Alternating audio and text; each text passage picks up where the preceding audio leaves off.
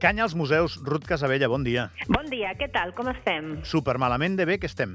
Hòstia, ja bueno, això és perquè ja ha superat Nadal, llavors ja tots estem bé, havent passat aquestes festes, no? Ui, però no, no és broma, tenim aquí a mitja redacció... Fotuda. Ostres, és la pel·lícula Estallido, eh? Sí, aquí també, déu nhi la gent que està amb grip i altres virus, no? Sembla una sopa de virus. Sí, el que no hem trobat encara és la mona, com a la pel·lícula aquella que s'havia de trobar la mona. Te'n recordes? No, No has vist Estallido? no, Dustin Hoffman? no. Sí, eh, hi havia una mona que era el pacient zero. Ah, De ah la doncs no, infecció. jo no he vist la pel·lícula, no, ah, no en doncs tinc està, ni idea. està prou bé, és una eh, pel·lícula de malaltia, de epidèmica, molt, la cosa Per se complica. quines pel·lis mires. Bueno, és una pel·li, de, és una pel·li moguda, és d'acció. No, perquè al final sempre ganen los buenos, però es moren uns quants i O no. hi ha una mona. La mona és la clave i això ha quedat per sempre.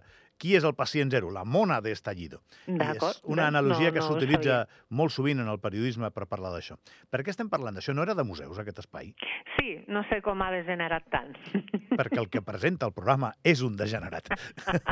això ho has dit tu, eh? Jo no m'atreviria mai a dir-ho, això. No, no hi ha, no hi ha problema, escolta'm. Um, el que t'anava a dir, que hem trigat a trucar-te perquè teníem un número uh, mal posat, sí, eh? això sóc jo, que Per- passant el, eh, per WhatsApp no l'he passat correctament, perdona la, les molèsties. No ho dic als oients, que hauran vist una pausa molt llarga, però han, han anat per aquí. A veure, ens has d'explicar coses mm, Sí, interessants. sí, Endavant. Sí, sí, sí. T'haig d'explicar, mm, és a dir, tot i que hem superat doncs, les festes de Nadal, a museus continuem, i aquest dissabte 13 de gener fem un tas de ratacies.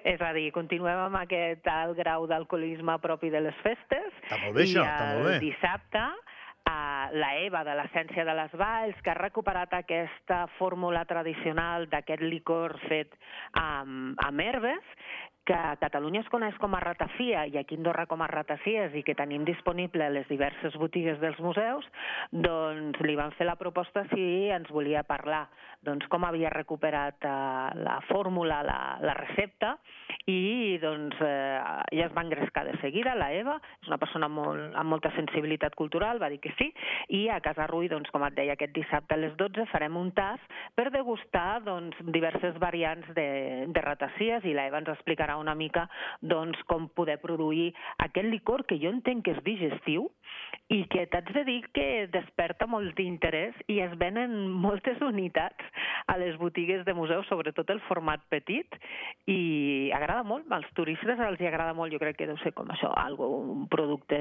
doncs, eh, com que és petit, de, de, de petit format, doncs va bé per, per regalar. Doncs aquesta és la primera proposta, la primera activitat que et proposo Digue'm, recorda'm on. 2024. Re- Recorda'm on. A Casa Rull, tots els tastos els fem a Casa Rull, com et deia, aquest dissabte 13 de gener a les 12. Evidentment és una activitat per majors d'edat, perquè es degustarà alcohol, eh, i són 6 euros per persona i, com sempre, cal reservar. Uh, es pot reservar mitjançant du dues maneres, telèfon 836 908 o si no al correu reserves museus arroba govern.ad. Tota aquesta informació, Gavi, la tens disponible a la web de museus.ad. A més, també pengem l'Instagram de museus si algú no ha pogut agafar el telèfon o l'adreça. I ara explica'm, Ruth, eh, i evidentment els oients, com es connecten aquest, aquest perquè em, sempre m'apassiona quan m'expliques activi, activitats d'aquest estil, perquè no són, evi, no són evidents, no són òbvies, no? Teniu aquesta, com aquest neguit eh, a govern que els museus són museus però no són gens estàtics i teniu ganes de relacionar-los amb... És veritat, És veritat amb, no- amb àmbits que no són propis, eh, probablement, a primer cop d'ull de- d'un museu. Sí, és veritat que no ens agraden els equipaments estàtics, pensem i defensem aquesta frase que et va agradar, que un museu buit és un cementiri d'objectes, i per no caure-hi el que fem és programar al llarg de l'any múltiples activitats. Clar, podríem fer eh, concerts i xerrades, que és lo habitual, i ho fem sense cap problema, però també ens agrada diversificar i atreure diferents tipus de públic. A més a més, en el cas de Casa Rui, que fem tots aquests tastos, també s'emmarquen amb un projecte que ja fa anys que funciona a l'àrea de museus i monuments, que és de la terra al museu, del museu a la terra. És un projecte que el que vol és establir eh, sinergies, complicitats amb els productors del país, els hi oferim les botigues dels museus perquè venguin els seus productes i arriben els turistes i també fer activitats, sobretot tastos, per mostrar el seu producte i que ens expliquin, que comparteixin doncs, aquestes receptes tradicionals, aquest eh, patrimoni material que ells estan conservant i fer-ho a l'entorn d'un museu, i en aquest cas Casarrull, el menjador de Casarrull és el marc perfecte per donar-ho a conèixer. Ho vam començar a fer, per exemple, amb el Jordi, amb el Jordi de, que té els embotits a Ransol, ho hem fet amb, el, amb Xocolant, que ens ho va fer la... l'Ester ens va fer un tas de xocolata exquisit, hem fet eh, de, de productes del país, i és això, la voluntat d'ajudar aquests productors d'Andorra, aquests productors que jo els diria que, que tenen com canal i que recuperen, com comentàvem, el nostre patrimoni immaterial i que millor doncs, que ho puguin presentar a, a un museu. I, i continuarem, eh? ara ja estem preparant la programació de Canyes Museus Primavera 2024, el més aviat possible te'n te parlarem i tornarem a programar tastos. Molt bé. Eh, entendràs la pregunta, eh? perquè penso que eh, quan es parla de museus està bé que els interpretem tal i com són, però uh -huh. al mateix temps està bé que els interpretem com patrimoni, com espais Exacte. que són patrimoni del país uh -huh. i que poden tenir d'altres usos, també. Potser aquí t'està escoltant... i són teus, i són de tothom. Això mateix. De... Llavors, potser em diràs, jo hi he vist, però pots tornar a venir amb una altra activitat, i així te'l fas teu. No, em refereixo que igual t'està escoltant ara mateix algú que un dia doncs, té una activitat que està pensant en un lloc emblemàtic, eh, no sé. Aquí estem, I, mira. I, i clar, sí, igual sí, us pot contactar. I, I ens poden contactar i ho fan a través de la web de museus.ad. Tenim un apartat que és proposa'ns una activitat, persones que ho han fet. És veritat que nosaltres no podem fer, per exemple, una activitat per 500 persones, potser, o amb, algun, amb unes necessitats tecnològiques molt importants, però estem oberts a escoltar qualsevol tipus de proposta i si encaixa amb el que és museus, clar que sí, museus o monuments, perquè també també no oblidis que ara aquest, amb aquest temps no, però a l'estiu també fem moltes activitats a les esglésies romàniques. I clar que sí, si hi ha algun artista, algun músic, algun compositor, alguna persona interessada doncs, a donar a conèixer el seu talent, o com parlàvem abans dels productors eh, locals, aquí estem. Només fa falta que contactin amb nosaltres a través de la pàgina web de museus.ad i ens diguin, ens presentin el que proposen. I tant, sí, sí estem oberts, eh? ja ho veus amb això que a vegades quan diem que no és perquè no podem, però per temes tècnics o de limitació d'aforament o d'espai, però si no, ja ens agrada enredar-nos, eh? bueno, a mi, a mi això m'agrada, també, que tingueu aquesta capacitat per... Sí, la, tenim la voluntat, sí, sí, és que ho creiem. Totes les persones que, treballa, que treballem a l'àrea de museus ho tenim molt clar, que els museus són de tothom, són espais oberts i que poden ser escenari de tot tipus d'activitat. Vinga, més, més temes, perquè sí, em, te em temo que no estem, no? I continuem amb alcohol.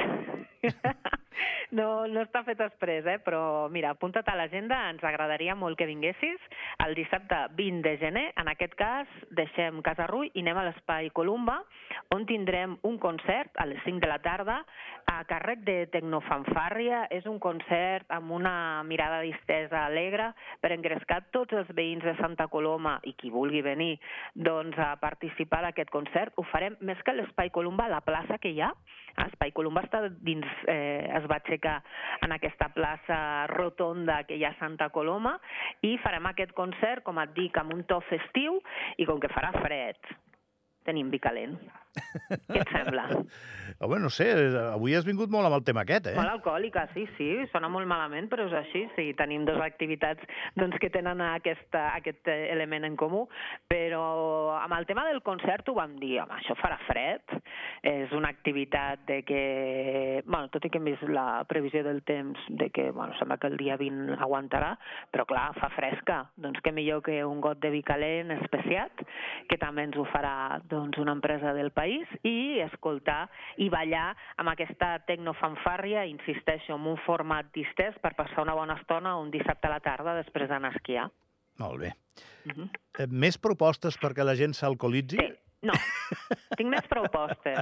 Ja saps que tinc una especial sensibilitat per temes de feminisme i la mirada en clau de gènere. Per aquest motiu, el dissabte 27 de gener, A les 7 de la tarda farem una xerrada a Casa d'Areny Plandolit. És una xerrada que jo et diria reivindicativa, perquè sempre quan parlem del Plandolit, qui tenim al cap? Don Guillem, eh, el baró, el baró és el protagonista dels hologrames, d'aquest sistema d'hologrames que tenim, i molt sovint és el protagonista o la persona que sobresurt i destaca de tota aquesta nissaga familiar quan fem les visites guiades.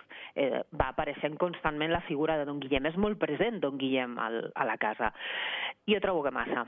I per aquest motiu, doncs, una antiga col·laboradora de museus ens farà una xerrada per reivindicar el paper de la mestressa, la figura femenina, destacar doncs, el seu paper en l'organització familiar i també eh, ens parlarà una mica d'aspectes com eh, com anaven vestides aquestes senyores, com actuaven en la seva vida quotidiana, els seus mal de caps, les seves preocupacions i també les seves distraccions. Tot aquest tema serà la xerrada que ens, durà, que ens farà la Cristina Sánchez el proper dissabte eh, 27 de, set, de gener a les 7 de la tarda al Plan d'Olit. Com ho veus? Ho veig tot No hi ha alcohol, molt eh? bé. No, està bé. Aquesta proposta la veig serenament. Sí, però també devíem prendre anís i aigua del Carme, eh? L'aigua del Carme també deixa l'anar. No, però sí, sí, alcohol aquí en prenem des de fa milers d'anys. Sí, sí, sí, exacte.